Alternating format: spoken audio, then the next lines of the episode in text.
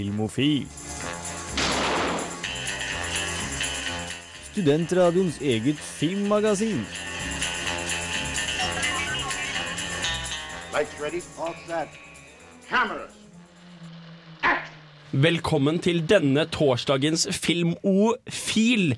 Datoen er 7. november. Vi er i veldig godt humør. Og med vi så mener jeg Henrik Ilenringel. Jeg mener Hans Ysternes. Det er 6. november i dag. Faen. Jan Markus Johansen! Ja vel! OK, prøv igjen. Ok, Velkommen. Det er sjette Ok, never mind. Og Frida Sveen Hempel, hei. Hei! Velkommen. Du var borte i to uker. Jeg har vært borte i to uker. Du er back in business, Yeah. og det er sykt bra. Vi har savnet deg. Åh, jeg har savnet dere. Åh. Yeah, let's all hug on radio. Yeah. Uh, vi skal snakke om uh, Raketten. Som, hvem har det som har vært og sett den? Jeg har vært og sett den. Vi skal snakke om Interstellar. Som, Hvem har vært og sett den? Ja! den! Eh, det er fordi i dag er Christopher Nolan-sending. Så hvis det er podkast du er så heldig å høre på, så stopper du nå, så ser du alt av Christopher Nolan, og så kommer du tilbake om en måned. Uh, vi skal snakke om The Prestige, som var ukas hjemmelekse. Uh, vi skal snakke om Person of Interest, som er Nolan-familien sin ukas serie. Broren Jonathan. Aller først skal dere få The Bots med Blinded. Du hører på Filmofil. Du må gå inn på Facebook og like oss, fordi vi er veldig likbare. Og jeg håper du koser deg. Var ikke det en utrolig kul låt? Jo. Den svingte. Nå er det på tide med et helt nytt stikk her på Filmofil. Og når vi sier nytt, så mener vi 43 sekunder gammel, for jeg la det akkurat inn. Dette er Filmofil siden sist. Greia med dette stikk... Eh, eh, radiobiten Jeg skal kanskje ikke si stikk på radio. Nå Greia med, disse tre, men, det- greia med disse tre minuttene, fordi et stikk skal ikke være mer enn tre Nei, Uansett. Uh, uh, jeg så en film på tirsdag, No, mandag. Jeg så en film sist uke, i løpet av uken som var, som jeg hadde lyst til å snakke om, men det passer liksom ikke inn i det, verken nyheter eller ukas hjemmelekse eller noe som helst. Så jeg tenkte at vi skulle ha et stikk i begynnelsen av sendingen, toppen av sendingen, som er en siden sist-stikk. Og ideen er da at vi alle sammen ser jo veldig mye film, veldig mye serier og har veldig mye filminteresseopplevelser. Som kan nevnes litt, fordi programmet her er jo for å bidra til folks filmofili. Derfor skal vi ta en kort runde med en liten sånn ti sekunder på hver. Hva har du sett eller gjort noe kult, eller hva slags filmopplevelser har du hatt siste uken? Eh, ikke noe poeng å nevne Interstellar, for eksempel, for den skal vi prate om etterpå. Jeg kan begynne. Eh, jeg så en film her om dagen som het What If. Det er en romantisk komedie med Daniel Radcliffe okay. og Zoe Kazan. Zoe Kazan kjenner noen kanskje fra Ruby Sparks, som er en eh, annen veldig kul film. Uh, What If handler om uh, Daniel Radcliffe, som er trist og har det jævlig, møter Zoe Sand, som har en kjæreste hun har vært sammen med i fem år, og deres vennskap og vordende kjærlighet. Og det er skrevet veldig passende til Daniel Radcliffe, fordi han, han funker veldig godt i det. Og Daniel Radcliffe har gjort så mye morsomt i det siste. Han var med i Horns, som er en litt sånn scary, surrealistisk Har den kommet ut ennå? Jeg har i hvert fall sett den. Å ja, OK. Horns er veldig kul, anbefaler jeg varmt. Og han er med i en, et eller annet annet også, som jeg har glemt hva er. Han har vært masse på Broadway og sånn, men han har vært med i Horns og What If. Og et eller annet med som jeg har glemt hva er. I hvert fall, What If er min anbefaling. Jeg har sett masse film. Jeg har sett ikke mindre enn fire filmer på kino siden sist. Det er ikke en konkurranse, OK? Jo, det er alt er en konkurranse, Tjommi. Eh, jeg har selvfølgelig vært sett Interstellar. Um, jeg har òg sett uh, Guardians of the Galaxy endelig. Den var dødskul. Så var jeg og så to kinofilmer. Den ene har jeg anmeldt her. Den heter Raketten. Eh, veldig søt, søt film. Skal du nevne noe vi ikke har nevnt her før? Jeg skal nevne en vi ikke har Oi, nevnt før. oi, før. Love Rosie.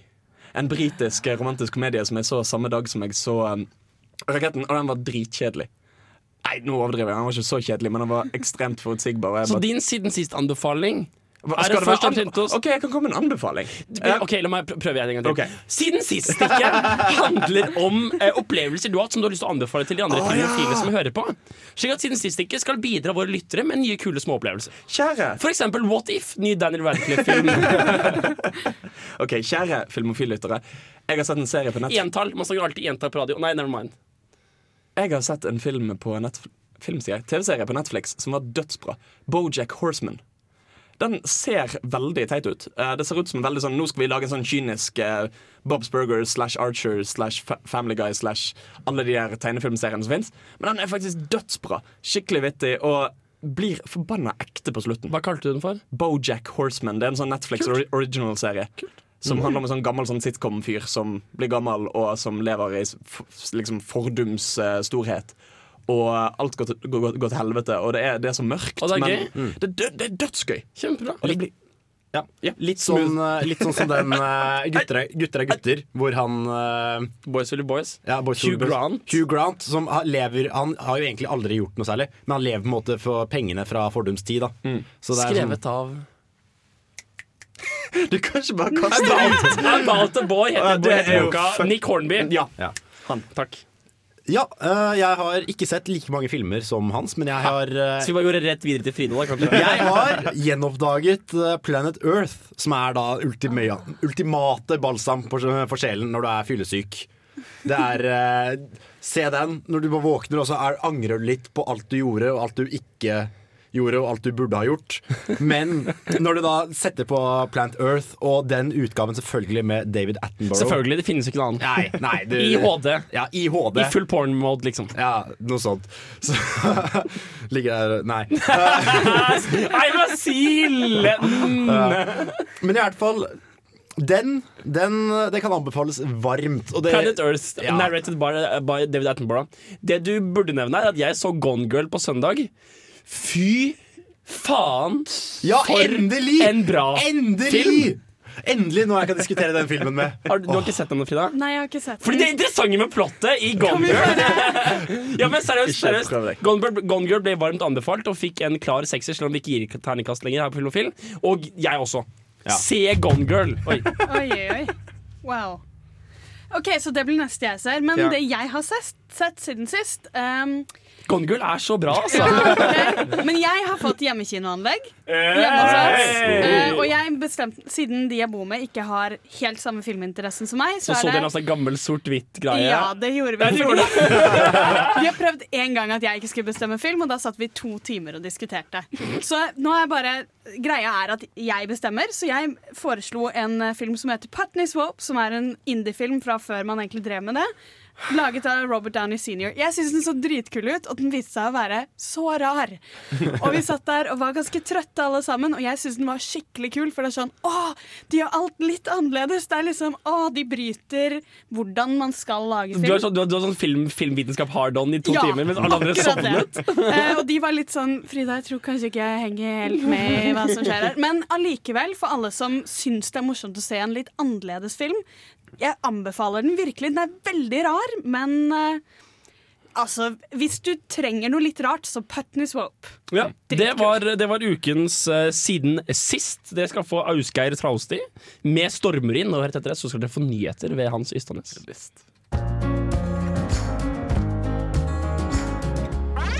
Filmofil gir deg nyhender fra filmen og fjernsynets i spanende verden. Det er nyheter ved Hans Ystadnes. Da setter jeg over til Hans Ystadnes, vår seniore nyhetskorrespondent Hans Ystadnes. Tusen takk, Henrik. Uh, vi skal begynne med en veldig koselig nyhet. Uh, vi kjenner all, alle Andy Serkis. Fyren som uh, gjennom motion capture har spilt både Gollum og Caesar fra de nye Planet of the Apes-filmene. Og han var executive producer for Second Team på, de, på alle Hobbit-filmene. Det var jeg ikke klar over. Men det, det som er litt greia med han, er at han spiller jo jævlig bra, og det er ingen som gjør det han gjør. Altså, Han er helt eksepsjonell. Men pga. at uh, Oscar-komiteen er så gammeldags, og gamle folk som bare sånn Nei, sånn, nei vi, vi, vi har en spesialeffektpris, det får være nok. Alt annet handler om skikkelige ting. Som han vil gjøre Real acting. Men Fox har nå gått inn for å kjempe med hard lobbyisme for at Andy Serkis skal få en Oscar. Det er sjelden jeg har hørt det der i en god sammenheng. At Fox har tenkt å gjøre litt lobbyvirksomhet. Fox bare redeemer seg sjøl så fullstendig. Wow. Og bare sånn, altså De har blant annet planlagt det litt, fordi, fordi de har gått inn for at de skal prøve å få nominert til Best Supporting Actor for rollen som Caesar i um, Plant of the Apes. Hvorfor bryr Fox seg? Jeg vet ikke, De føler bare at det er på tide, da. Og det er jo det. Jo, jo. Og, og kanskje for å skape blest rundt egen film. Jeg vet ikke, Kanskje de bare vil at Plant of the Apes skal få mer oppmerksomhet fordi at de to nye filmene er dødsbra. Men, uh, men, men det som er greia er at de er litt sånn taktiske og prøver å sette det inn på supporting actor. Siden teknisk sett så er jo Cæsar hovedrollen i uh, de nye Planet of the Apes-filmene. Mm. Men de er klar over at det kommer til å skje. De kommer til å gi uh, Best Actor til, uh, I dag dominerte Al. Pacino, Daniel Day-Lewis og en anime... Nei, Sant? Det kommer til å skje. Det kommer til å skje. Men det kan hende Det kan hende at han har en sjanse på supporting, så vi bare krysser fingrene for at, for at han får nominasjonen. Supporting har jo ofte vært det liksom wildcard-prisen. Der hvor de kan gi til sånn Penelope Cruise i Vicky Christina Barcelona bare fordi hun er råkul. Fortsatt, jeg Mens- har fortsatt ikke sett den filmen. Eller den uh, One Scene uh, Wonderen med Alec Baldwin i Glenn Gary Glenn Ross, hvor han kommer inn i Han er i filmen i åtte minutter og ble nominert til Best Ja. Supporting Actor. Bare fordi rollen hans er så kick-ass bra. Så skal vi til noe litt vittig. Eh, vår favorittrapper LL Cool J skal nå gjøre en innsats for å bli med i en Marvel-film. Fordi han har nå på Twitter gått ut og sagt 'Jeg skal være med i en Marvel-film'. Mm. Tingen er at det er ingen andre enn han som er klar over at han skal være med i en Marvel-film. That's news to me! Eh, For det, det var snakk om da, at han kanskje skulle få en rolle i Black Panther-filmen som kommer, eller som Luke Cage, en av de mindre kjente Marvel-superheltene som er svart. Men, men det, det som virker som er greien, da er at han prøver seg på samme taktikk Vin Diesel gjorde uh, før eh, Guardians of the Galaxy. For han òg gikk ut på Twitter og sa Hei, tipp hvem skal, skal være stemme til Groot i Guardians of the Galaxy. Og Marvel-folkene bare sånn Skal Vin Diesel være For, for, for det gjorde han Han ene uten å snur seg til den andre og bare Du, uh, ringte du Vin Diesel? sant? Men det endte jo opp med at han faktisk fikk rollen, så, det, så en tenker at Eller Men han kastet seg selv perfekt, da. Ja, sant. Så det er litt samme greien, da. Så kommer det en kul eh, TV-serie på Netflix. Um, vi husker alle filmen eh, A Series of Unfortunate Events, basert på boken med samme navn. Ikke sant? Husker Jo. boken, men husker ikke boken. filmen. Den ble jo filmatisert med Jim Carrey som han der onde, Ja. onde greven. Lemony Snicket. Ikke sant? Den? Og tingen er at de prøvde De prøvde veldig hardt å sette opp en franchise, men det gikk aldri. Så nå skal Netflix eh, ta tak og prøve å lage en TV-serie ut av hele greien. Eh, og basically akkurat samme handlingen, akkurat samme greien, bare starte helt fra scratch. Og, og jeg, jeg tror det kan bli helt kult, fordi, rett og slett fordi den bokserien er så episodisk. Altså Det er masse korte bøker som handler om veldig sånn uh, egne historier der og da, der og da, der og da. der og da Det er veldig sånn episodisk bygd opp. Og jeg, jeg har troen på at det kan bli en jævla kul TV-serie. Så har det seg sånn at uh, Vi snakket jo tidligere om den nye Steve Jobs-biopicen, og at Christian Bale skulle være Steve Jobs. Det har skjært seg. Han skal Takk ikke være Steve Jobs likevel. Har vi ikke nettopp hatt en biopic? Jo, Jo, jo, Okay, men, ja. med det- Ashton Kutcher. men, det, men det kommer en ny en med han der Sorkin som manusforfatter og Danny Boyle som potensiell Å ja, det var den jeg gledet meg til, ja. Det var den du gledet deg til. ja. Stemmer. Det som er greien, er at det har vært snakk om å få inn Michael fucking Fassbender. Det er enda bedre. Som Steve Jobs. Fassbender som Steve Jobs. Man ba- barberes. Ja, jeg tror han må det. Jeg tror han må liksom prettyboye seg litt opp eh, mer enn det han er nå. Og det som òg er gøy, er at eh, Steve Wozniak, altså denne liksom høyre hånden til Steve Jobs, skal spilles av ingen ringere enn Seth Rogan. Ja, ok, det, ja, men det kan funke. Ja. Jeg var redd du skulle si han der duden fra Get Him to the Greek som jeg ikke liker. Hvem tenker du Jonah på? Hill. Jonah Hill. Liker du ikke John? Ja, men har- vi, ja, vi gjennom Dette dette er en hver- samtale til en annen gang. Ja. Men Først skal dere få Sleater Kinney med 'Bury Your Friends'.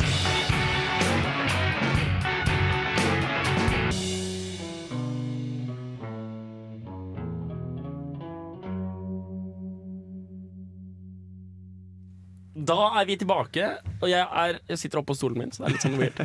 Uh, Hans, nyheter. Ja. Um, dere vet jo hvilken film jeg liker uh, mye mer enn mange andre liker den. The Conjuring. Og vi skal no tilbake til The Conjuring. Fordi at teamet bak The Conjuring, altså produsenten Peter Safran og manusforfatterne Chad og Carrie Hayes Skal vi, skal vi lage en, en follow-up av det ene skapet fra Conjuring? Du vet det skapet som åpner seg litt sakte? Det er jo ikke det som er det skumleste i The Country. Det Nei, men det er ikke Annabelle heller! Um, det som er greien er at De skal lage en ny film som er helt utenom hele den The Conjuring-franchise-greien. som de driver og bygger nå som skal handle, for, det, for det er et litt interessant konsept. Fordi at Det skal handle om en prest som uh, havner i fengsel. Fordi eh, en nonne dør når han har en eksorsisme med hun. Og så er det en, etterf en, en journalist som skal etterforske Var dette bare tull.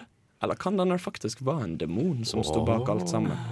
Og jeg, jeg, tenker det, jeg tenker det kan være litt sånn kult, da. At det er litt sånn Litt sånn småskeptisk. Sånn, Fins det spøkelser, eller gjør det ikke det? Men det er jo noe av det du beskrev som bra fra The Conjuring, var den usikkerheten og den tvilen og den litt sånn der skummelhet man ikke ser type skummelhet. Og det høres ut som denne filmen spiller til den styrker, da. Ja, jeg tror det. Og det teamet er jo flinke. Altså, altså, altså Produksjonen og manuset i Annabelle var ikke dritt. Det var mer det at det manglet mye av det The Conjuring hadde. Så hvis de på en måte Hvis de klarer å løsrive seg fra det å lage noe helt eget og noe nytt, så jeg har troen. Jeg har troen.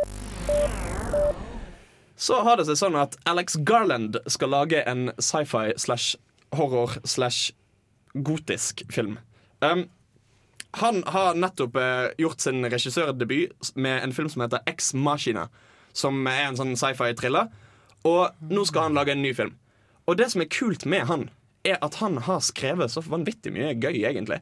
Han skrev både boken og filmen The Beach oh, med ja. Leonardo DiCaprio, Among others. among others. Um, han skrev òg 28 Days Later, en av mine favorittzombiefilmer. Wow. Er det, kan det være den eneste bra filmen med Sandra Bullock? Nei, det er 28 Weeks Later. Det. Takk, takk til meg. Never mind. Okay. Um, han skrev òg Dread og Sunshine, som ikke liksom Dread, den Judge Dread-filmen? Ja, nye. Ah, Sunshine, er det den Det er den veldig overvurderte sci-fi-filmen hvor de reiser bort mot til solen, solen. Blood Orgy?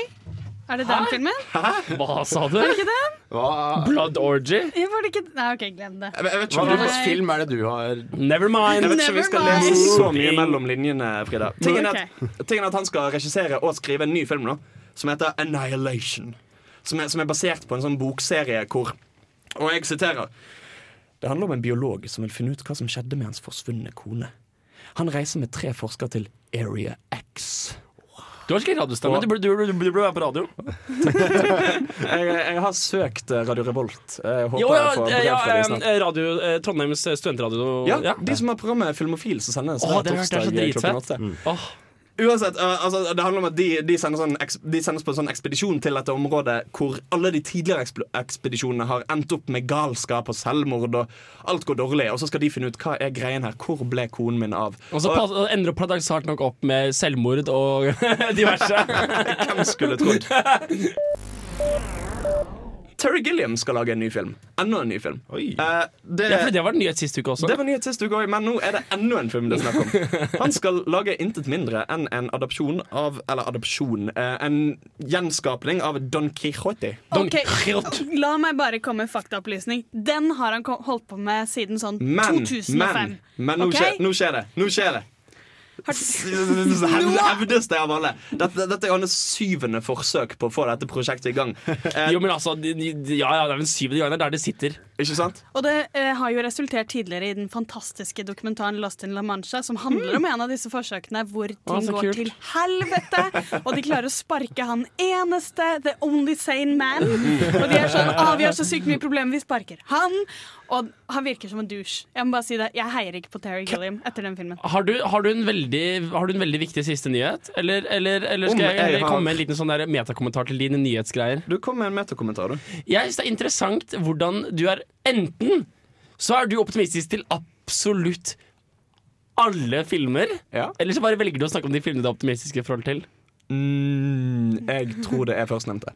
Ok, Greit. Vi skal høre på LSD TV her på Radio Revolt på Filmofil.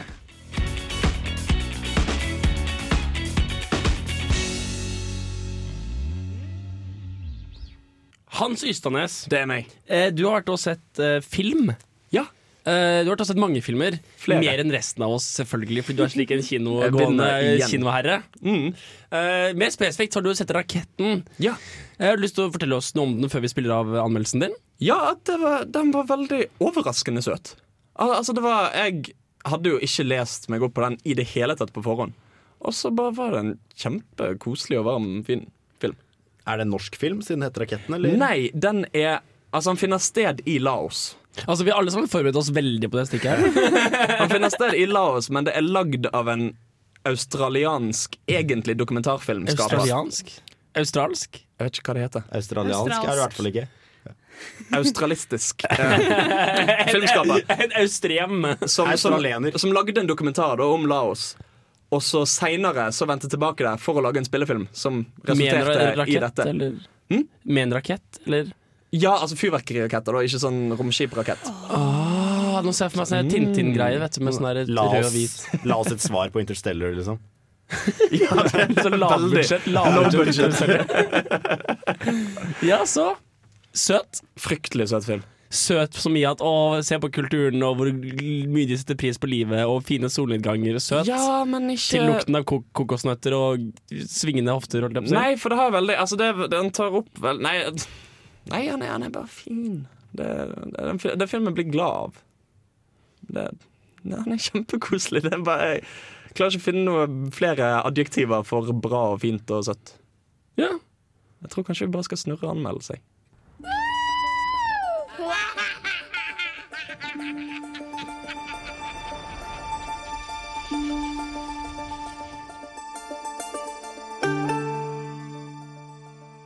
Gutten Alo bor i en liten landsby i Laos med familien sin. Han vet ikke at han hadde en dødfødt tvilling, og at bestemoren pga. dette ville at han skulle bæres ut i skogen. Ifølge hennes overtro må det alltid være én ond tvilling, og når den andre var dødfødt, lover det dårlig for fremtiden til Alo. Moren nekter å ta livet hans og oppdrar han.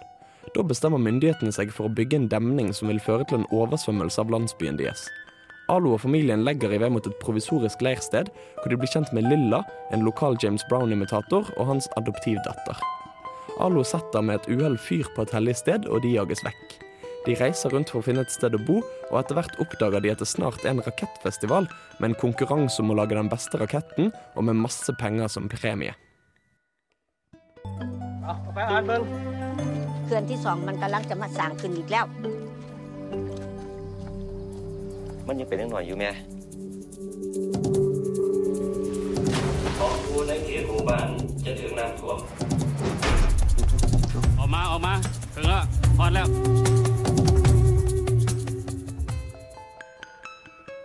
Raketten er en film som klarer å skape latterlige mengder feel good ut av en blodkjip situasjon. Han viser medmenneskelighet og varme, og, og det går faktisk ikke an å være kynisk når en ser den. En går fra å fnise i en scene til å få hjertet revet ut i en annen, og filmen er fargerik både i kulissene og i karaktergalleriet. Han er det store og hele historien om Alo og hans mange forsøk på å bevise at han ikke er forbannet eller ond, som bestemoren hevder, og dette når sitt klimaks i rakettkonkurransen. Han tar opp mange ulike problemstillinger, som tradisjon i møte med den moderne verden, overtro, krigens ettervirkninger, skyldfølelse og skam, men dette settes alltid i bakgrunnen og føles kanskje til tider uforløst. Det er grunn masse som tas opp i filmen uten at det dveles noe særlig ved det, og lite tid blir brukt på å utforske konfliktene som tas opp.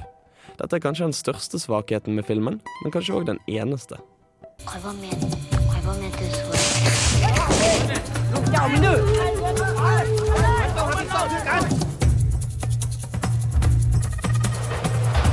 vamos plantar, hein?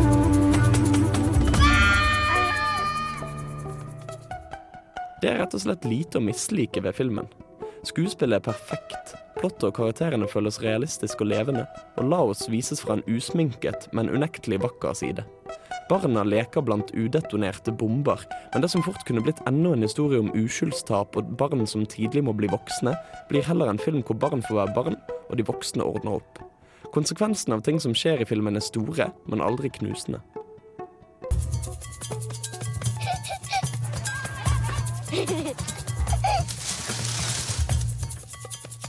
Jim Brown สบายดีเจสปา บุญบังไฟปีนี้แม่นไผจะเป็นผู้ชนะพ่อแม่พี่น้องเอ้ยแม่นการแข่งขัน คอยเก็บดอกไฟอ่ะ มันระเบิดกับหัวตายเหมือนนี่บอ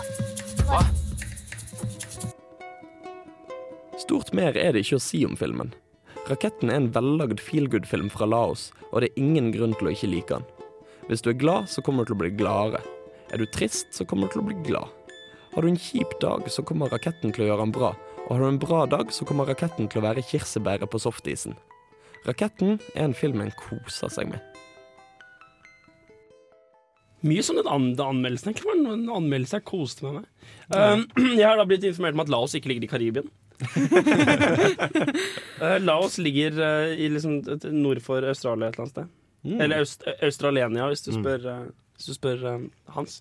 Um, du sier at det er en film hvor man går rundt og er litt redd for at uskylden skal liksom bli frarevet som et bankende hjerte i hånden din! dun, dun, dun, dung. Ah! Ja, men det, det, det er på en måte så nærliggende. sant? At det, det er egentlig en ganske mørk setting, og du på en måte du får veldig inntrykk av at dette, de tilhører en sånn urbefolkninggruppe som blir totalt overkjørt av, eh, av det kommunistiske styret, og alt ser så kjipt og dystert ut. Men det, men det blir aldri den typen film. Og det er, det er masse mørkt som ligger i bakgrunnen, som aldri helt graves fram. Og det er på en måte, det er ikke den historien som fortelles, selv om, selv om det fins der. Har denne filmen noen sammenheng med den dokumentaren som han lagde der tidligere, han regissøren? Jeg tror han omhandler litt altså, altså mye, av, mye av bakgrunnen og settingen i filmen tas fra det. For det for, for, for du Og får, kulturen, liksom. og kulturen. Og, du, og du får veldig sånn inntrykk av De forteller veldig fint Du får veldig fint inntrykk av at her har det skjedd noe. Her har det vært krig. Her har vi Vi er kuet av en stor stat, og, og det er en det er, det, det er noen sånn australske Der sa jeg det riktig.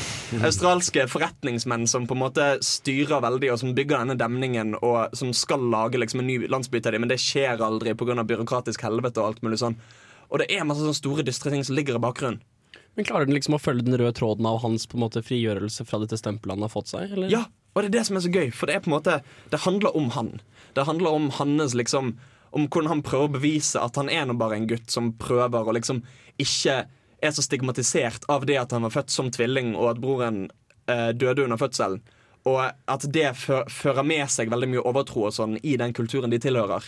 Og at han på en måte prøver å reinvaske seg sjøl. Det er det som er hovedhistorien. Alt det andre blir bakgrunn.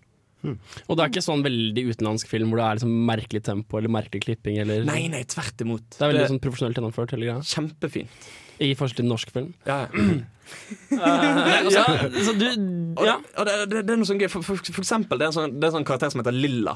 Som, som er en litt sånn gammel raring som går rundt i en lilla dress og har masse plakater av James Brown på, på veggene Og ser litt ut som James Brown også. Ja, sant? Han, han er faktisk skremmende make på James Brown. Og tingen at Han kunne fort blitt en sånn her eh, wacky, quirky comic relief-karakter. Ja. Og han er til en viss grad det.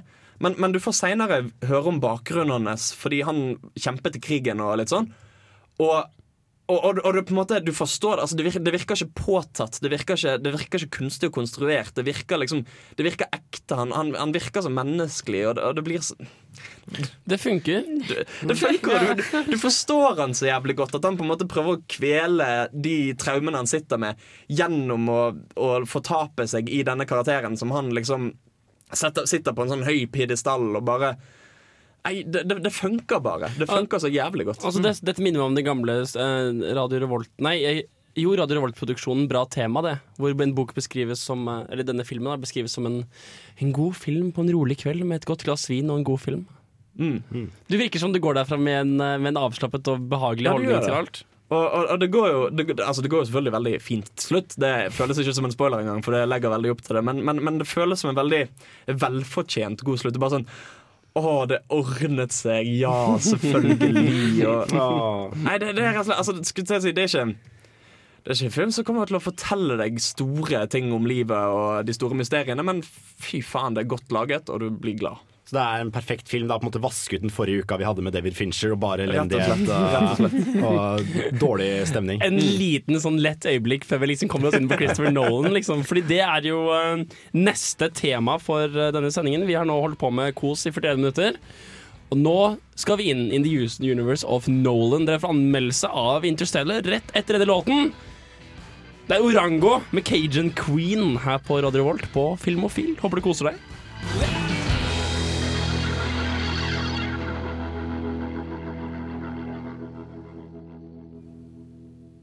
Det er tid for Christopher Nolan her på Filmofil, og vi begynner med det mest aktuelle.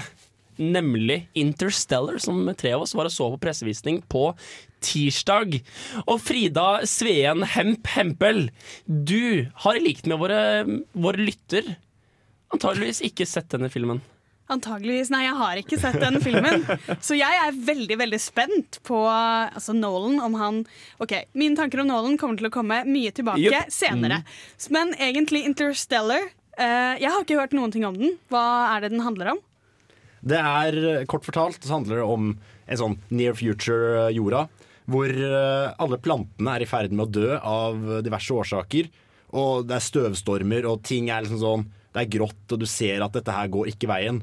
Så for eh, å prøve å liksom redde verden, som de også sier i, eh, i handlingsreferatet og trailerne, så skal de prøve å finne et nytt sted hvor uh, mennesket skal kunne overleve. En ny planet, rett og slett. Ja. Så mennesket har brukt opp jorden, er liksom greia. Mm. Oh. for det er sånn sykdommer og sopp og sånn som går i alt av jordbruk. Sånn at, Ja, så er det en Ja, eller annen så sånn sånn soppart som har spredd seg, og som har drept all, ja, men hva alle heter røttene det? Det er noe sånn der um, Mildew. sånn- Mildew, mildew. takk. Ja.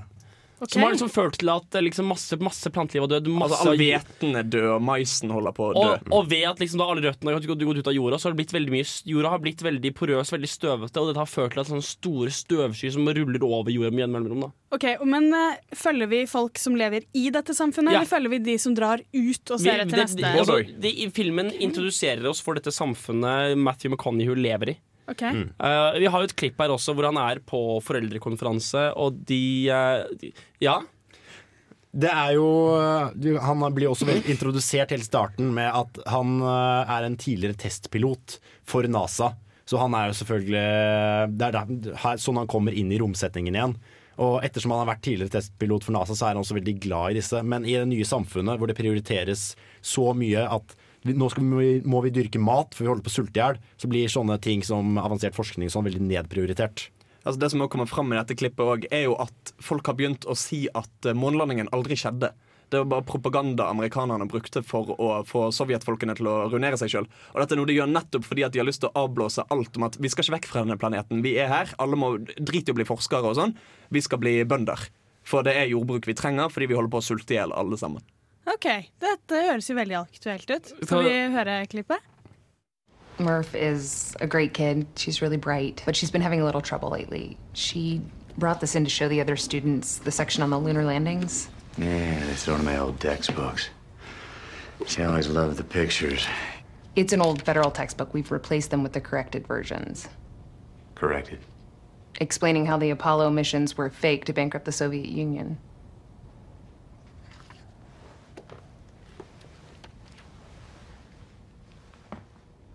You don't believe we went to the moon?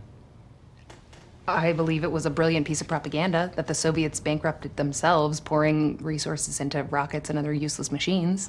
Useless machines. And if we don't want a repeat of the excess and wastefulness of the 20th century, then we need to teach our kids about this planet, not tales of leaving it. You know, one of those useless machines they used to make was called an MRI. And if we had any of those left, the doctors would have been able to find the cyst in my wife's brain before she died instead of afterwards. And then she'd have been the one sitting there listening to this instead of me, which had been a good thing because she was always the, the calmer one. Lincoln Lawyer in space. Han har blitt en sånn Ja, ja. bitter ball av Ja, ja. bitterhet. Altså Comebacken til Matthew McConaughey er vel rødt, er, har, har slått røtter nå, liksom. Men altså, dette høres jo ut som det er en litt sånn kritikk av USA i dag. For der har du jo veldig den der vitenskapsforakten og sånn. Er det Ja, det, er- det er et hint til det, men det er ikke der hovedhandlingen av eh, filmen foregår. For på et tidspunkt så drar de jo ut i rommet for å Mm. finne denne nye planeten. Og det er egentlig Jeg vil si at i hvert fall to tredjedeler av filmen foregår derfra og ut. Men OK, så hva er liksom Nolan med denne filmen? Nolan sitt eh, vannmerke i denne filmen. Han er jo kjent for å ha veldig sånn twists and turns. Er den det er, Oi, dette ble kanskje litt sånn Ja, det er Hva litt, hva, hva, er det, hva er det du prøver å navigere her? Jeg prøver liksom Jeg vil jo si at det ikke er så veldig mye av det. Nei, men du ser, du ser preg av det. Det er mye sånn overlappende handlinger som går parallelt, og ting kulminerer samtidig, og mye sånn vendinger og overraskelser og Ja, det er litt av det. Jeg tror det mest Nolan-aktige er vel at det er konsepter som er litt vanskelig å få tak i. Ja. Litt vanskelig å forstå konsepter. Det er veldig Nolan-aktig. Men det er jo, det er, jo- jeg, vil, jeg vil si det er ganske mange twister i form av at det er veldig mye av den filmen som viser seg å være noe det ikke utga seg for å være. Ting som virket bra, var kjipe, og, og det er masse sånn skuffelser og i form av, overraskelser i form av det. Samtidig som han, Det er jo noe veldig Nolansk i det med veldig masse eksposisjon hele tiden. Og, det- og det, men det er jo òg en av de tingene som jeg egentlig syns funker i mange Christopher Nolan-filmer, men ikke her. For det, det ble veldig sånn Når de utforsker sånn store romskip og univers og alt mulig sånn, så ble det så jævlig Vi fikk ikke lov til å tenke sjøl. Det var liksom Karakterene snakket om alt for oss og sa hva vi skulle tenke, liksom. Mm, du sitter litt med inntrykk av at han som regissør egentlig undervurderer seeren. At det er litt sånn uh, som vi skulle hatt som fortellerstemme, eller sånn en karakter som løper etter oss i, uh, i uh, Inception og forteller oss liksom Ja, nå er vi på det drømmenivået, dere. Må ikke, ikke blande nå. Shit, det har han Men akkurat det har jo vært det Nolan alltid har vært veldig god på. Bare sånn kaste på deg sånn veldig kompliserte ideer og være sånn ja ja, you'll get it. Don't worry. Jeg synes nesten Det virker som at i Interstellar så har Christopher Nolan tenkt at han har lagd en for smart film. Og, og at han på en måte føler at han må forklare oss det. Fordi at han undervurderer publikummet sitt, som Jan Markus sa. Og, ja, altså, for vi, det, altså, vi når jo et punkt som jeg syns er litt sånn litt uh, kjedelig. For, yeah. Jeg så The Prestige dagen før. Ja. Det Og var jeg, litt så, dumt, da. og jeg så Inception noen, noen dager før der igjen. Og Interstellar skuffet meg i sammenligning. Mm. Det må jeg si. Det er, det er En av de andre veldig Christopher Nolan-aktige tingene med filmen her er perfeksjonen. Altså Hvordan alt liksom bare er liksom Ja. Det er liksom, Mm. Han har liksom tatt hvert take en million ganger. Hver frame er rendret over 100 timer, liksom. Og det bør, det bør jo sies at når Interstellar er bra, så er han jævlig Ja, bra. den gjør et par ting veldig bra. De gjør den fint, og det er en del vitenskapelige ting som de er liksom, det, er liksom, det de gjorde for å rendre sorte hull, er jo helt ledende i dagens vitenskap. Så det er folk som har skrevet doktorgrader på all, Fordi de brukte veldig mye datakapasitet på å rendre hvordan et sort hull ville sett ut. Og det blir, wow. blir nå brukt i faktisk vitenskap. Så det er jo faktisk Hvis du, hvis du vil ha menneskehetens mest presise eh, oppfattelse av hvordan det ser ut å være nær et sort hull Av storfilm, vel å merke. Ja, så kan du faktisk se Interstellar, for der brukte de, der brukte de en, eh, en professor med liksom Ja, han vet hva han prater om, da. astro, astrofysiker som kunne ting. Ja. Ja, og de har da laget, lagt inn disse algoritmene og formlene i en computer og latt den regne ut sånn 14 zettabytes med data for hvordan dette faktisk hadde sett ut. Så det er, og visuelt så ser det helt ekstremt ut. Så det er litt den derre 2001-greia at nå får vi endelig se noe vi aldri Mm. før har sett Og der kommer du inn på noe. Okay. Ja, fordi dette, dette oppleves litt sånn som eh, Christopher Nolan har satt seg ned og sånn Dette er vår generasjons 2001. Okay. Han har på en måte det er, Mye av det, filmen er en sånn homage til den, eh, til den filmen. Og noen scener er også sånn Jeg kan banne på at det er samme akkorden som uh, sangen i det derre orgelspillet som eh, går igjen i 2001. Epic Odyssey-låta, ja. Nesten så du hører den derre ba, ba, da-da, som går i bakgrunnen. Men så Dere likte den ikke så godt, men, men er det verdt for meg nå å komme på kino? Ja, altså, ja, ja, hvis du noen gang skal nyte den filmen, så er det på kino. Ok. Det er en storlerretfilm av de store, liksom. Visuelt sett er det jo fantastisk. Det er en nydelig visuell film. Men som en sånn kinofilm, hvis vi rangerer den mellom eh, Avatar som nederst og 2001 som øverst Man, jeg forstår ikke Hva mener du skalaen. Avatar? Fordi det- var bare en sånn bra visuell film, men Å, ikke så mye historie. Oh, ja. Mm. Mens eh, Um. 2001 er sånn bra visuell film og bra historiefilm. Er den midten, midt imellom der? Kanskje litt over midten. Ja, litt over midten. Litt over midten. Ja. Ok, Så det er liksom en interessant idéfilm. Ja. Jeg tror noen sammenlignet den med Gravity også. Ja. For det er veldig Mm. fokus på den derre u- outer space-følelsen. Og den er bedre enn Gravity. Det er litt noe interessant at vi plutselig har begynt å kjøre på så mye med sci-fi. jeg likte ikke Gravity, da. Ikke Det er jo mye i den filmen her som jeg synes er veldig gøy med sci-fi-filmer. Det er når de gjør ting som er realistisk, eller i teorien realistisk. Sånn som eksempel eh, den lille filmen Moon, som jeg er veldig, veldig glad i. Eh, Men det som, det som gnager litt i nerden i meg her, det er at de, de gjør så mye som skal være så riktig. men liksom, de forklarer omtrent hvordan motorene fungerer, og med formler og fysikk som er liksom på kjempedoktorgradsnivå. Men så er det noen ting i filmen som når du tenker etter, bare, ja, men det, det lar seg ikke gjøre. Nei, nei, og det, det, det bare gjorde de. Bare sånn, Ja. ja. det funker! Det funker. Ja. Men heldigvis så er jo vi i Trondheim, eh, hvor eh, folk liker eh, ligninger og sånn. Så da kan vi jo bare anbefale den for alle nerdene. Ja, så nei, jeg, vil, Nei. jeg vil mer si at det er, det, er en, det er en romfilm for folk som går på Dragvoll, ikke på okay, Gløs. Okay. greit. Selv om det var mye færre sånne småfeil enn en, en i Gravity. da Men altså, jeg vil jo si at det, er ikke, det var ikke det som ødela filmen for meg. Fordi at, altså, Siden jeg ikke forstår disse konseptene, så tenker jeg at det blir bare som technobabble i alle andre sci-fi-filmer. Og når, når, Ja. når de da sier 'Let's hit up the Zeta Sorg drives to fly out of this thing', så, så Nei, det heter ikke det. Men, men poenget er at det spiller ikke noen rolle for meg, for jeg vet ikke hva det er u uansett. Som det ikke er som i virkeligheten. Og, det, og, og jeg kan jo oppsummere med å si at den klarer å skape noe autentisitet okay, Autentisitet. Ja, uansett. Til å få meg interessert. Og den har et par skikkelig fete nivåer som, Ja, skaper, som gjør seg skikkelig bra i Dolby Atmos og på storskjerm. Så eh, det er en film verdt å se edru. si. opplevelse. Det er det. Ja. Uh, dere skal få Oral B med Jumanji feat uh, Pimp Lotion. Høres litt shady ut. Uh, på Filmofil.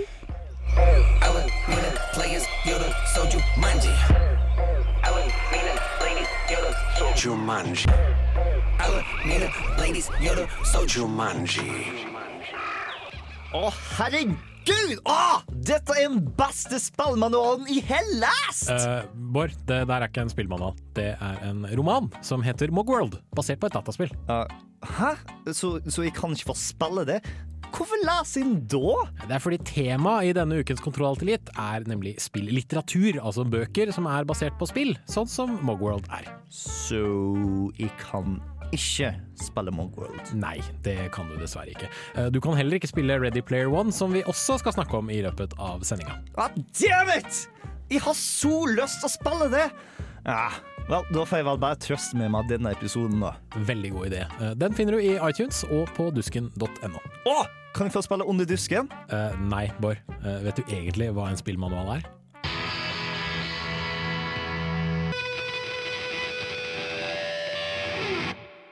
Så Christopher Nolan på Filmofil. Christopher Nolan. Utover at Interstellar hadde premiere denne uka, hvorfor bryr vi oss? Vi bryr oss jo fordi han er en av de som virkelig prøver å lage gjennomtenkte blockbustere. Han er jo en av de som faktisk lager ganske store filmer og er sånn, sånn som vi nevnte litt i stad. At han som oftest pleier å ha en sånn Ja ja, you will get it. Jeg bare lager Jeg putter alt jeg vil inn her, noe som faktisk er ganske sjelden med en veldig sånn Hollywood har det jo med å bli liksom formelmessig, og du må ha Alle karakterer må ha want and need, og så må det være bygd opp etter Heroes Journey, og han er litt sånn Fuck all that! I'll do my own thing! Han er jo også en av de veldig få som får lov til å holde på sånn. Eh, fordi Ja, det er sant. altså både The Prestige, Inception og denne er jo de filmene han har lagd etter en Batman-film. Ja. Og hvor han på en måte bare lagde en Batman-film Den solgte kjempebra, og selskapet bare sånn OK, nå, nå lager du noe du har lyst til. Du får lov, siden du lager Batman-filmer for oss, og de er kule. Ja, fordi den største store Var det Memento? Første store filmen til Nolan? Ja, altså Det var jo det som fikk han på radaren, sånn at han Mm. fikk lage Batman Begins. Det var en kul film. Ja, det var jo det. Ja, den er kul. Den jo jo- vel, der viser han jo på en måte veldig hvor spesiell han er. Ja, for der tar han hos seg friheten til å være totalt uforståelig. Ja. Jeg vil si at kanskje Hans beste egenskaper er at han tør å være ambisiøs, Mm. og han klarer det også. Han Mm. klarer liksom å få det til. Og på våre vegne. Mm. Han klarer Mm. liksom å sette seg ned og være sånn Jeg tror egentlig så vil du ha dette her. Ja. Du vil at jeg skal snakke om litt sånn ordentlig filosofisk spørsmål. Ikke bare at du skal få det du vil ha. Og du ser jo at han har rett i det òg. At alle filmene hans blir jo sett av mange og tjener masse penger. Og dette skulle jeg si hermetegn på tross av at de er så skikkelige og originale og gjennomførte som de er. Ja, for den har jo egentlig ikke laget så veldig mange filmer. Altså, Han lagde en short som het Doodlebug. Så regisserte han en film som het Following i 98. Den har jeg sett. Var, det, var, den, var den kul? Den var så Nolan! Det er så den er så veldig forløpe, for, forløperen til Memento, som er veldig sånn hvordan ting skal være rart. Det er hvordan du hele tiden skal være sånn Things are not as they seem. Wow. Og det er på en måte Hele greia er at du skal sitte der og se på og følge en person som ikke har oversikt, og alt snur seg, og det snur seg igjen, og det snur seg igjen. Og det er bare sånn Den er så rå, da. Det, det er liksom akkurat den tankegangen hans før han fikk store budsjetter å leke seg med. Han gjør det liksom i svart-hvitt med få skuespillere, og gjør det samme. Ja, det var godt sagt. Jeg må fordøye det litt. Uh, um, uh, så etter, eh, etter For The Following 98 eh, så lagde han Memento. Heller ikke en høybudsjettfilm. Det er veldig naturlig lys og veldig sånne greier. Ja. Men en veldig veldig gjennomført film som brukes som et eksempel i mye filmundervisning. Fordi det skjer såpass mange kule sånne ting som ikke er nødvendigvis troper. Ja. Eh, etter 2000 kommer Insomnia en film om et par, eh, et par nattevåkne Los Angeles-agenter. Det er Al Pacino, det er Robin Williams. eh. Remake av en norsk film, må Mm. bare si det. Den norske filmen er fullstendig overlegen. Ja, ja, ja, Altså, jeg synes syns det- den er noe av det svakeste Christopher Nolan har lagd. Ja. Jeg syns det Jeg syns det, hva, hva heter det derre Man of Steel? Det er Zack Snyder. Men skrevet av eh, Christopher Nolan, er det ikke? Jo, det er den! han- han- Det er skrevet av Christopher Nolan. med. Han var med. Ja vel. Det, det var, det var Det så kan være litt slappa Ja, på. i hvert fall, greit Etter, etter Insomnia, som da tydeligvis var en bedre norsk film, så kommer han da altså til Batman. Yes. Batman Begins. Beste Batman-film jeg har sett. Eh, Christian Bale uh, begynner blir vel forholdet til Christian Bale der, gjør han ikke det? Likte du Batman Begins bedre enn The Dark Knight? What?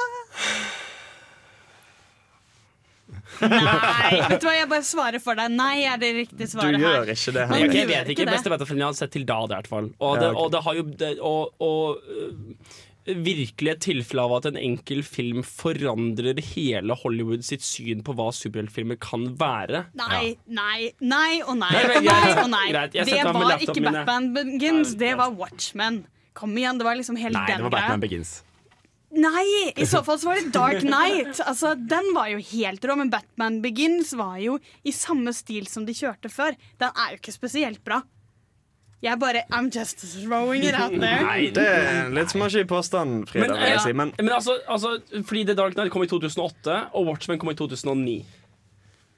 Så da var det i teknisk så sett kom jo Watchmen på 80-tallet i tegneserieform. Mm. Mm. Ja, jeg tror det var The Dark Knight som kom med den derre yeah, Dette kan være kult, og dette kan være smart, og det kan være OK. Men, men, men altså, jeg, jeg føler at det, ja, men det som er kult i, i, i filmverden da, Ja. så vil jeg jo si at The Dark Knight var tidlig ute med det at de tok en allerede eksisterende superhelt og dekonstruerte han i seg sjøl.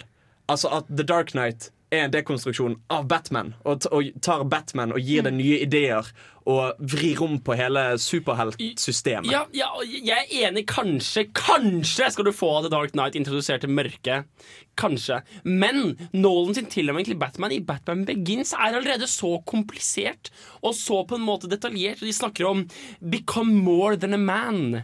Og hele den greia Å, la meg gjette, det her så du på 70-tallet.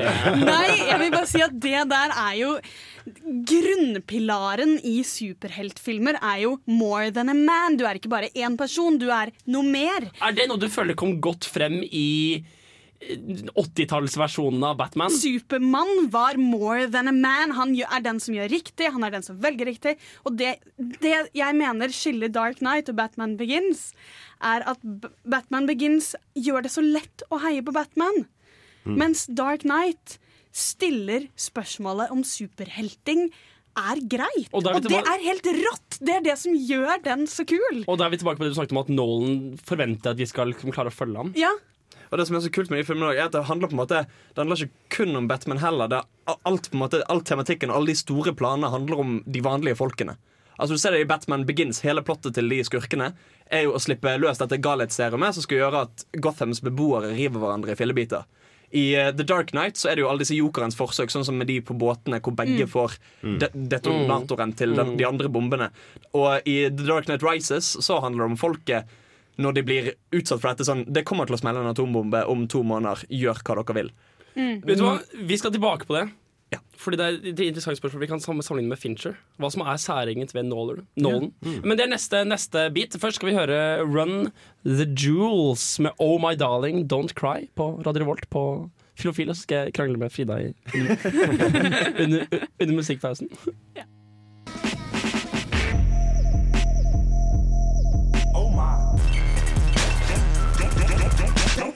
Nolan, hva er egentlig da for eksempel hvis da Nolan i The Dark Knight fremstiller uh, han, stiller, han sier her ser dette samfunnet, her ser disse to båtene som har hver bomben i den andre båten. Han fremstiller på en måte dette mørket, og han, ved, gjennom jokeren utnytter han galskapen som ligger i alle. Sist uke snakket vi hvordan Fincher viser oss menneskets perversjoner. Hvordan er det forskjellig? Altså, altså jeg vil jo si at Særlig Batman-trilogien handler jo veldig om folkemassen og massesuggesjon. Og hva skjer med folkemasser når du utsetter dem for ting? Vil sivilisasjonen opprettholdes, eller vil den knuses? Hvor Russell Gooley, eneren, sier at hvis du gir dem et serum, så gjør de gale, så kommer de til å rive hverandre i Det er fillebiter. mer sånn, mer sånn, mer sånn samfunnskommentar. Kultur, Ja, sant? da. Mens, mens hele Jokeren sin agenda er å vise at hvis du utsetter folk for jævlig kjipe situasjoner hvor det er liksom alt eller ingenting, så kommer folk til å velge umoralske og kjipe ting. At han er ikke en spesiell. Han er bare en skurk fordi han har opplevd sånne ting, og det er iboende i alle menneskene å være sånn. Tingen er at Han blir bevist feil i The Dark Knight. Mm. Nettopp fordi at de på båten ikke sprenger hverandre i fillebiter. Så kommer The Dark Knight Rises. Hvor Bane på en måte får rett i at hvis du, hvis du kommer den kjempesvære trussel med atombomben over Gotham, så kommer Gothams beboere til å gå i en sånn anarkistisk Anarkistisk, er det dette? Ja. Tilstand. Og bare hele samfunnet kommer til å kollapse, og det er opp til Batman å redde alt sammen og være superhelt. Men, men, men det handler på en måte om de store ideene, om folket, om, om, om hvordan henger alt sammen. Hvorfor er vi som vi er? Hva er en helt? Hva gjør en helt? Hva, denne superheltfiguren som vi har, hva er dens oppgave? Det, det, det, det er masse store ting de tar opp, liksom. Ja, Har du lyst til å prate om Inception, eller har du lyst til å prate om hva som gjør Nolan, særegent? For Vi har nevnt det litt. Vi har nevnt at han, Nolan handler om perfeksjon. Det handler om kompliserte ting, og det handler om å utfordre seeren. Er det noe jeg har glemt? Mm. Det er jo mye av det som også du ser går igjen i Inception. At du har, du har et plott med flere nivåer, og det er, det er ganske avansert. Det er uh, flere som sier at de ikke skjønner Inception. Ikke at jeg helt henger med på det. Nei, jeg måtte gå på nettet og sjekke ut. Men hvordan er det man ikke skjønner i Skal vi spoile Inception? Det er veldig Kommet ut i greit. 2010. Inception er for stor. Ok, Hvis du, hvis du har lykkelig lyst til å høre om Inception, kan du- kan du spole tre minutter frem. Mm. Nei, så Inception er jo Det er, Det er en sånn der ser du den kanskje mest karakteristiske Nolan, avanserte, kompliserte Nolan-dynamikken. Hvor du har flere nivåer, du har handlinger som går i hverandre, som også jeg opplever er veldig nolansk. Om jeg kan kalle det Nordlandsk? Nordlandsk. Jeg syns egentlig kanskje Jeg drar jo igjen opp Dark Knight eh, som min sammenligning, fordi jeg liker den så godt. Jeg syns kanskje den mot Inception er litt sånn det bra med Nolan mot det litt dårlige med Nolan. Mm. Eh, for jeg syns at til tider så har han så flotte på en måte konsepter at ideen i konseptet blir borte. Når folk sier at de ikke skjønner Inception, så blir jeg sittende med en sånn derre Hva er du ikke skjønner? Altså At tiden går saktere i de øvre nivåene. jeg tror Problemet med Inception er at det er for det første prøver du å henge med på å forstå alle nivåene. Og det er greit nok. greit nok De, de sitter på et fly, og så i nivået under så er de i en by der det regner. Og i nivå under der så er de på i en sånn derre vintercabinsted. Og i nivå under der så er de i, i den derre evig, evighetsstedet Ja. limbo. Uh, og så får du alle disse fire historiene ved siden av hverandre. Det er tre av dem ved siden av hverandre når de skal jumpes ut igjen. Mm. Det er greit nok, det er litt uoversiktlig, men det er greit nok. Og så kommer plot-twisten, der Leonardo DiCaprio egentlig ikke eksisterer, hva som skjedde med eksdama hans, alt greiene der. ikke sant? Alt det der skjer samtidig. Men hans historie er lineær, og, og altså, lineær på den måten at det er én ting som har skjedd med han. Det er ikke twists and turns på den måten man er vant til. Det er bare reveal. At de på en måte plutselig er sånn OK, nå skal vi fortelle dere hva som skjedde med kona. Eh, I forhold til filmer som Memento, hvor du hele tiden tror noe har skjedd, og så var det ikke det som hadde skjedd. Mm. Og her er det på en måte en veldig sånn strukturell komplikasjon. Ja, Sånn, sant. At folk på en måte sliter med å henge med fordi de ikke vet hvor vi er, og ikke vet hvordan disse nivåene henger sammen. Men jeg syns når han er virkelig god, så bruker han det i, i historiene sine. I handlingen. Ja, i handlingen og i ideen. Og Dark Knight er på en måte interessant fordi du Ja, fordi, fordi man hele tiden sitter og er forvirret med han. Memento er jo en helt fantastisk film om hukommelsestap fordi vi ikke får vite noe mer enn Mm, han. fordi vi blir hele tiden- som han. Mm. Ja, vi blir hele tiden slått i ansiktet med det, så vi får på en måte oppleve noe med karakteren. Noe som film, en film som Inception eller Dark Knight Rises ikke har, for der blir det på en måte noe helt sånn strukturert. Ja, der, der, der, der komplikasjonen ligger i plottet, og ikke i Nei, mer i Ja, på en måte det ligger, strukturen det ligger i strukturen, men ikke hvordan vi blir fremstilt. Mm. På en måte. Det er veldig passende at vår Nolan-beskrivelse er helt umulig å forstå. Eh, vi skal videre til Prestige, min yndlings-Nolan-film. Eh, Det er ukas hjemmelekse. Aller først får dere Razika med Gi meg, gi meg, gi meg.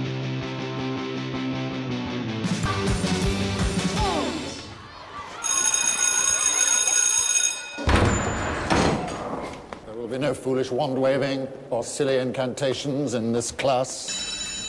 No, okay, that's it for the day then. Today, we have a similar debate over this. Anyone know what this is, class? Anyone? Anyone? Anyone seen this before? Ukens hjemmelekse. Og ukens hjemmelekse er som sagt min yndlingsfilm av Christopher Nolan, nemlig The Prestige. Det er en av de beste filmene med Christian Bale. Det er en av de beste filmene med Hugh Jackman. Hugh, Hugg. Hugg. Jackman. Og det er en av de beste filmene med eh, Michael Al- Caine. Alfred. Ja. Ja. Eh, Han butleren. han, han butleren fra The Dark Knight uh, Rises. Um, hvor skal man begynne med dette Prestige? Det er, det er akkurat som vi snakket om uh, med det som er typisk Nolan, så er det det er det beste av typisk Nolan. Du har de der eh, plottsvingningene, og du sitter og er forvirret, men det er ikke på, fordi filmen forvirrer deg, det er det som skjer i filmen som gjør at du liksom «Å, Hva skjer nå? Hva skjer nå? Du sitter liksom på, se- på kanten av stolen og bare vil vite mer hele tida. Mm. Og det er, det er bare sånn flyt som glir gjennom, og på slutten så bare samles alt sammen i sånn én svær knute av røde tråder, og det bare stemmer. og, og, og, og vi er tilbake litt på det Frida- Frida sier om forskjellen på en komplikasjon som vi som en serie går gjennom, og en komplikasjon som karakterene går gjennom. Fordi i The Prestige så er det karakterene som går gjennom forvirrende ting. Karakterene blir, Det er plot twist for karakterene. Mm. Så de blir like overrasket som oss. Mm. Har du en siste ting å si, Markus, før jeg spiller anmeldelse? Uh, nei, det var egentlig bare at det var, det var veldig gøy å se den filmen, her, for det er en stund siden jeg har sett den. Mhm. Og det var sånn Å, yes! Å, yes, den finnes! På tide å se den igjen. Kjør film. You're looking for the secret, but you won't find it. Because, of course, you're not really looking. You don't really want to know. Want to be fooled.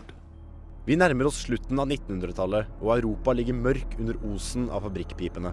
I London, et travelt sentrum i stadig forvandlende hverdag, finner vi to magikere i bitter splid. De spilles av Christian Bale og Hugh Jackman, og historien deres fortelles retrospektivt i en rettssak der magikeren spilt av Bale er tiltalt for drapet på den andre.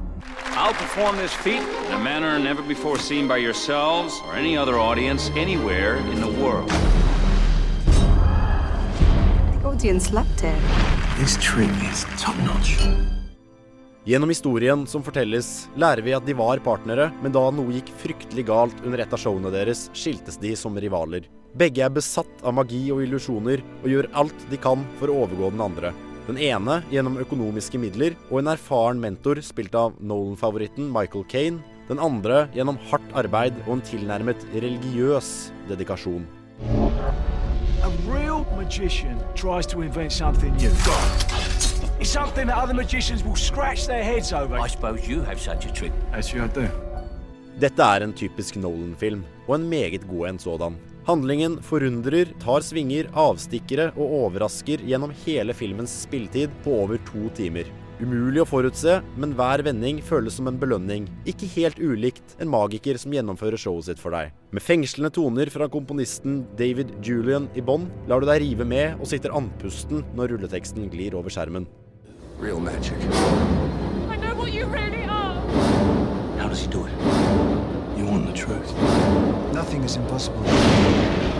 Abracadabra.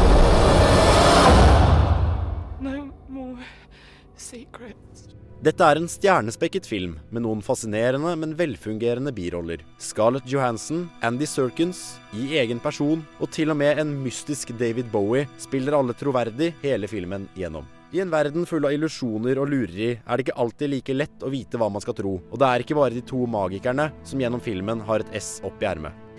Society only tolerates one change at a time. First time I tried to change the world, I was hailed as a visionary. Second time, I was asked politely to retire. The Prestige er en mystisk dramatriller som har noe for alle. Spenning, romanse, drama og action er alle godt balansert i denne samlingen. Få med deg noen venner som ikke har sett denne filmen før. Lag popkorn og ha en god gammeldags filmkveld med denne juvelen i sentrum. But you wouldn't clap yet. Because making something disappear isn't enough. You have to bring it back.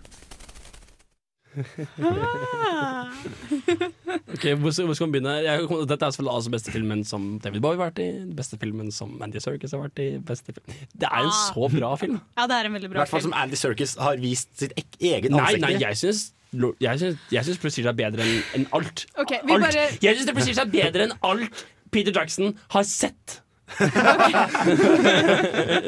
Langt mindre deltatt i. Det er jo ganske episk å sette David Bowie som internetthelten Nikola Tesla. Og så er han jo stereokrom, eller hva faen det heter, med forskjellige Det passer så godt at Nikola Tesla har forskjellige eh, farger Ja. på øynene. Heterokromi iridum heter det. Ok.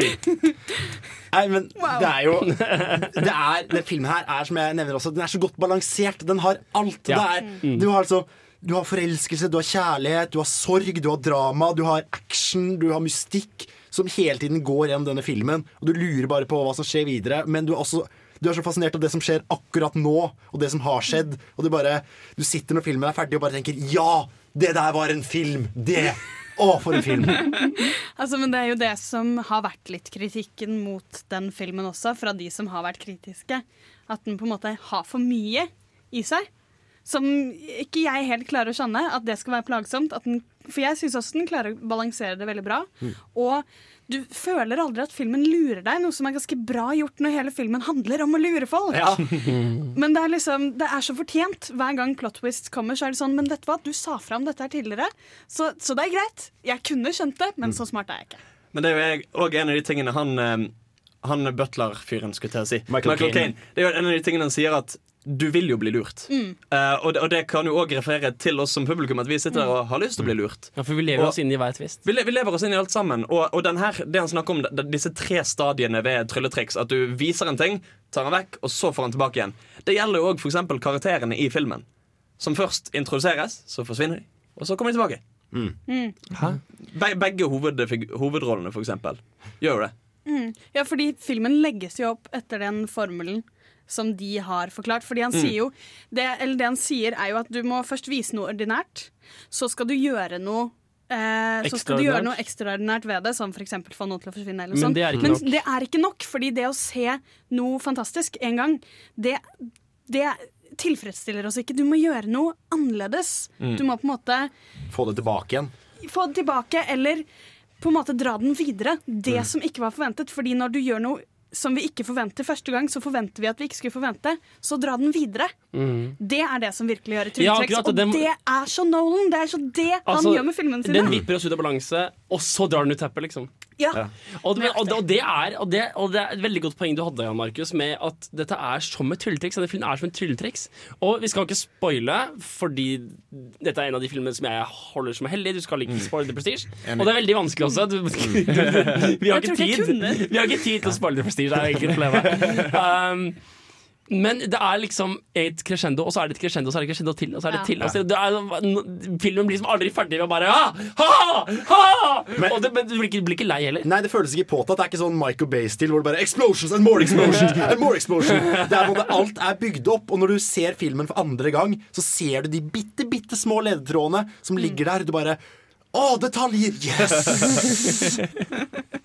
Nei, men altså, jeg syns rollene er så godt casta. De Hugh Jackman som denne litt sånn secretive, veldig selvhøytidelige. Uh, Scarlett Johansson som denne litt sånn sta kvinnekarakteren som er litt endimensjonal. Um, uh, han eh, Christian Bale som en fanatisk og uh, lidenskapelig ung mann. Eh, Det er så godt castet Michael Caine som Michael Caine. Du kan ikke caste Michael Caine bedre enn som Michael Caine. Ja, det var en ting jeg kom til å tenke på når jeg så den òg, som, som overrasket meg. da, var at i mange filmer så føler jeg ofte det blir sånn Når folk liksom forteller om planen sin, the master plan, så blir det sånn veldig sånn teit sånn James Bond-skurkaktig. Ja. Sånn, Mm. nå skal jeg bare fortelle. Ha-ha, Men- Mr. Bond. Men det jeg synes er så kult er at dette skjer jo flere ganger i denne filmen at begge de to tryllekunstnerne vi følger, forklarer hva som har vært planen deres hele tiden. Men jeg synes det føles så ekte nettopp fordi at begge er tryllekunstnere som prøver å overgå hverandre. Og de går Altså, gjennom prosessen Hvordan selv. gjør du triksene Mm. dine? Ja. Mm. Og, og, og det, blir, det føles som alt de gjør, er å forklare trylletriksene, og, og det, det blir så tematisk og så fint at det, på en måte, det føles ikke påtatt. Og så er det litt interessant at i filmen så sier Christian Bale flere ganger at du skal ikke fortelle hva trikset er, fordi det tar magien ut av det. Mm, mm. De synes du er fantastisk, og du synes De synes du har verdi helt til du forteller dem hvor enkelt det egentlig er. Mm. Mens filmen viser oss jo hva trikset var. Mm. Og vi er fortsatt amazed. Mm. Jøss navn. uh, vi har uh, en låt som heter Cold War Kids. Nei, det, det heter Hot Cold, sier den. Av Cold War Kids. Uh, på eh, Radio, Radio Revolt, på Filmofil. Håper du koser deg. Det er jo alltid å ha musikk når den er påtent. Helst noe indisk eller pakistansk. Ukas filmlåt. Yes, Vi skal snakke om Edith Piaf sin låt 'Je ne regret rien'. Jeg vet ikke om det er sånn det uttales, men det er det låten heter.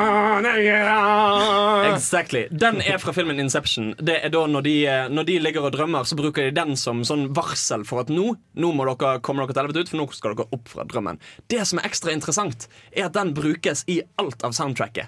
Det har vært eh, Hans Zimmer sin store inspirasjon for alt sammen. Og alle, alle de kule tingene vi husker fra themen til Inception, kommer fra den. Den her eh, Inception-lyden. denne som, som er i alt av filmer nå. Den er fra en sånn kjempe sånn slowed down-versjon av Je ne rien. Den her går gjennom kult. alt av lydbildet i uh, Inception. Det er dritkult. Og det er en fin sang i seg sjøl. Så rullfilm? Rullelåt.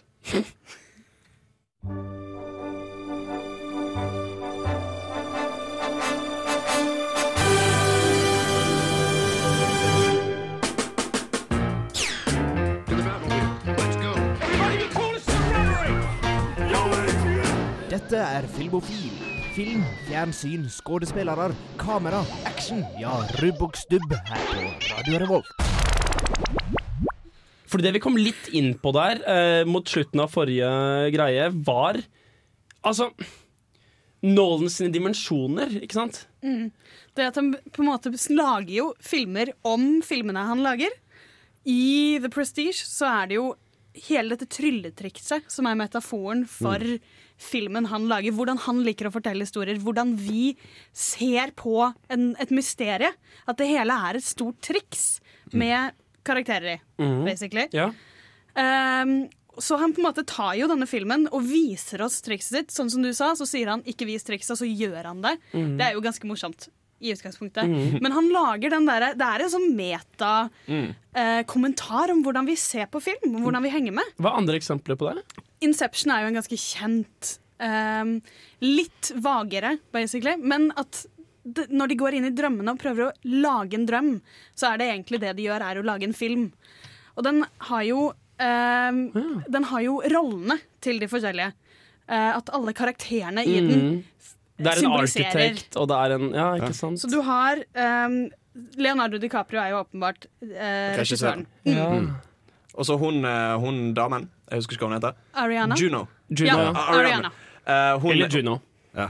Eller Juno. Hun er liksom uh, hva, hva heter det? Scenograf? Arkitekt? Altså de som Nei, lager er, kulissene? eh, hun er, manusforfatter. Manusforfatter. Manusforfatteren. Stemmer. Hun lager drømmen, hun legger den opp. Mm. Og så har du uh, han som uh, Han som skifter fjes.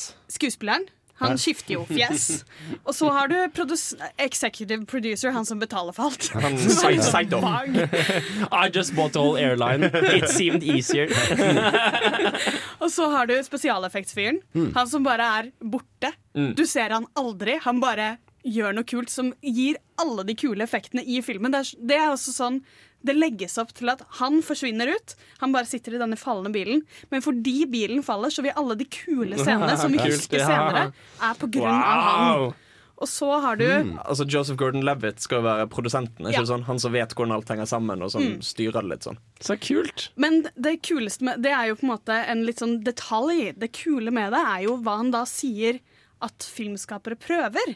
At de prøver å gå, altså, gå inn i hodet ditt og forandre hvordan du ser på verden. Og få deg til å tro at det er din egen verden du, du ser. Ja, plante en idé. Få deg til å leve deg inn i det. Sånn, hvis ikke du tror på det, så blir det bare kaos og ting Mm. bryter sammen. Men hvis du klarer å lage denne kunstige verden, og folk virkelig biter fem på, så da har du lykkes. Ja. Da kan du Mm. få folk til å tenke og tro hva du vil. Og da har du fått en, et annet syn på verden etterpå. Fordi én ting jeg alltid gjør mens de er der inne, det er kult, det er effekter, men hvis du gjør det riktig, og du våkner opp etterpå, så vil du se på verden annerledes. Så en ordentlig god film er Inception. Ja. Rett og slett. og med det skal vi ta og høre Hanni El eh, Khatib med 'Moonlight' her på Filmofil.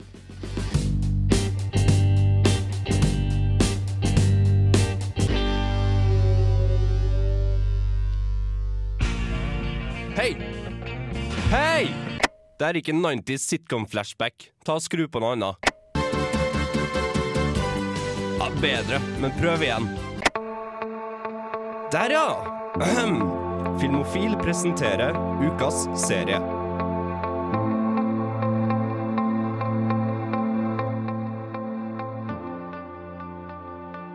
Det skal sies at dette ikke er eh, introlåta til uh, Person of Interest. Men bare hør på det her. Hør nå.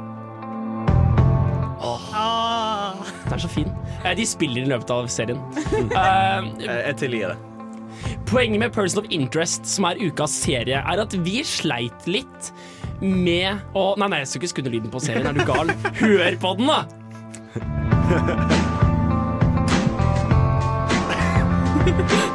Jeg blir litt så lettistrert, kjenner jeg. Eh, OK. Jeg ser veldig mye serier. Så når vi skulle finne ukas serie til Christopher Nolan, så var det umulig, fordi Christopher Nolan har ikke hatt noe med serie å gjøre. Han har deler derimot uh, litt DNA. Det ble veldig feil. Nei, baby, du har litt DNA. Med en banan. Jeg mener. OK. Jonathan Nolan, broren hans, som var med på å skrive Interstellar, som var med på å skrive en del store Nolan-filmer, har en serie som han er executive producer for og delvis skrevet, sammen med JJ Abrams. Det er Person of Interest. Person of Interest er en serie om en dude som heter John Reece, som er en tidligere CIA-superagent-dude, som er burned out og lever i New York og har det litt småkjipt. Og en dag kommer det en veldig sånn secluded billionaire dude med en halt, som går rundt og halter og er litt sånn merkelig og litt asosial, og sier til han Du, jeg vet om folk som kommer til å dø eller drepe noen. Har du lyst til å hjelpe meg å redde liv? Dere skal få lov til å høre introen til eh, serien, for der får du veldig godt beskrevet hva serien er for noe. You are being watched. The government has a secret system, a machine that spies on you every hour of every day. I know because I built it. I designed the machine to detect acts of terror, but it sees everything. Violent crimes involving ordinary people, people like you. Crimes the government considered irrelevant. They wouldn't act, so I decided I would. But I needed a partner, someone with the skills to intervene. Hunted by the authorities. We work in secret. You'll never find us. But victim or perpetrator, if your number's up, we'll find you.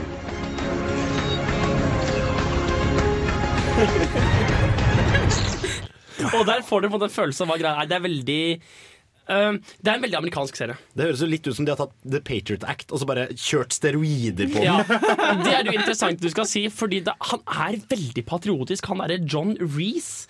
Uh, første episoden er altså da uh, directa av David, David Semel. Jeg vet ikke hvem det egentlig er. Er det litt sånn moral at eh, ja, men så lenge du ikke har noe å skjule, så har du ingenting å frykte? Ja, for det er veldig interessant. Det er litt, altså Hvis dere husker den der Enemy of the State med Will Smith og Gene Ja. Hackman fra 90-tallet, en gang, som var en veldig god serie om en dude som ender opp med å være på den wrong side av en eller annen overvåkningsbedrift. Og hvor vilt mye informasjon du kan få med noen ved å bare hacke absolutt alt elektronisk rundt dem. Og det var på 90-tallet?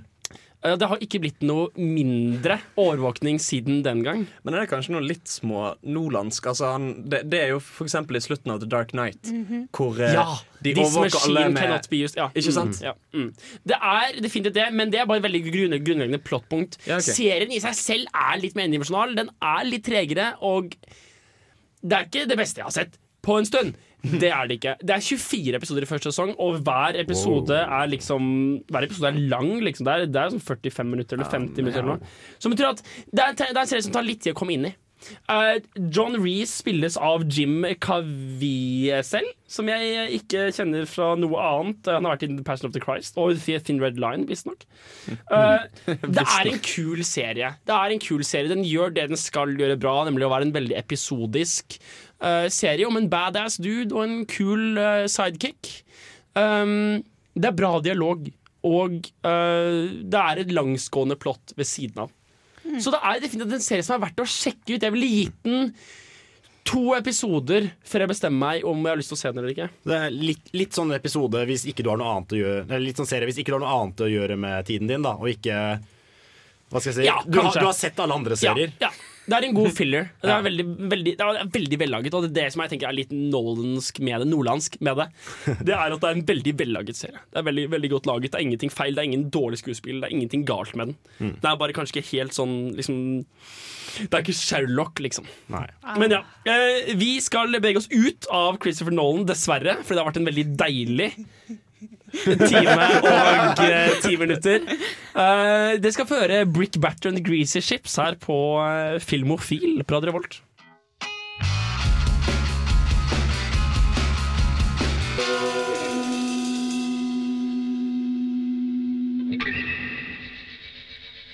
Det var dagens sending. Vi har snakket om eh, The Rocket, raketten fra Laos som ikke er i Karibien. Som eh, Hans Ystanes mente var en ekstremt, ekstremt koselig film. Faen. Ekstremt koselig film. Nei, never mind. Ekstremt koselig film. Sånn Sånn høres- finsk, sånn finsk høres du ut. finne i Sunnmøre-type løsning. Uh, det var bra. Vi har snakket om Interstellar, som var uh, Det var stellar. Men ikke liksom dritbra. Det var ikke Inter. Nei, det var ikke Inter. Uh, neste uke, hvem, hvem er neste uke? Jeg skal ikke være her neste uke. Åh, men neste uke så skal vi snakke om Spring Breakers! Og det har Frida hatt intenst lyst til sånn lenge. Ja. Så for neste, neste uke er generasjonsfilm, stemmer Ja, det? vi skal ta tre forskjellige generasjoner og snakke om filmene de som presenterer dem Og best. hjemmelekse er Spring Breakers! Yeah! Det har hørt på Filmofil. Det har vært Henrik. Hans. Ja, Markus. Frida. Ha det bra! About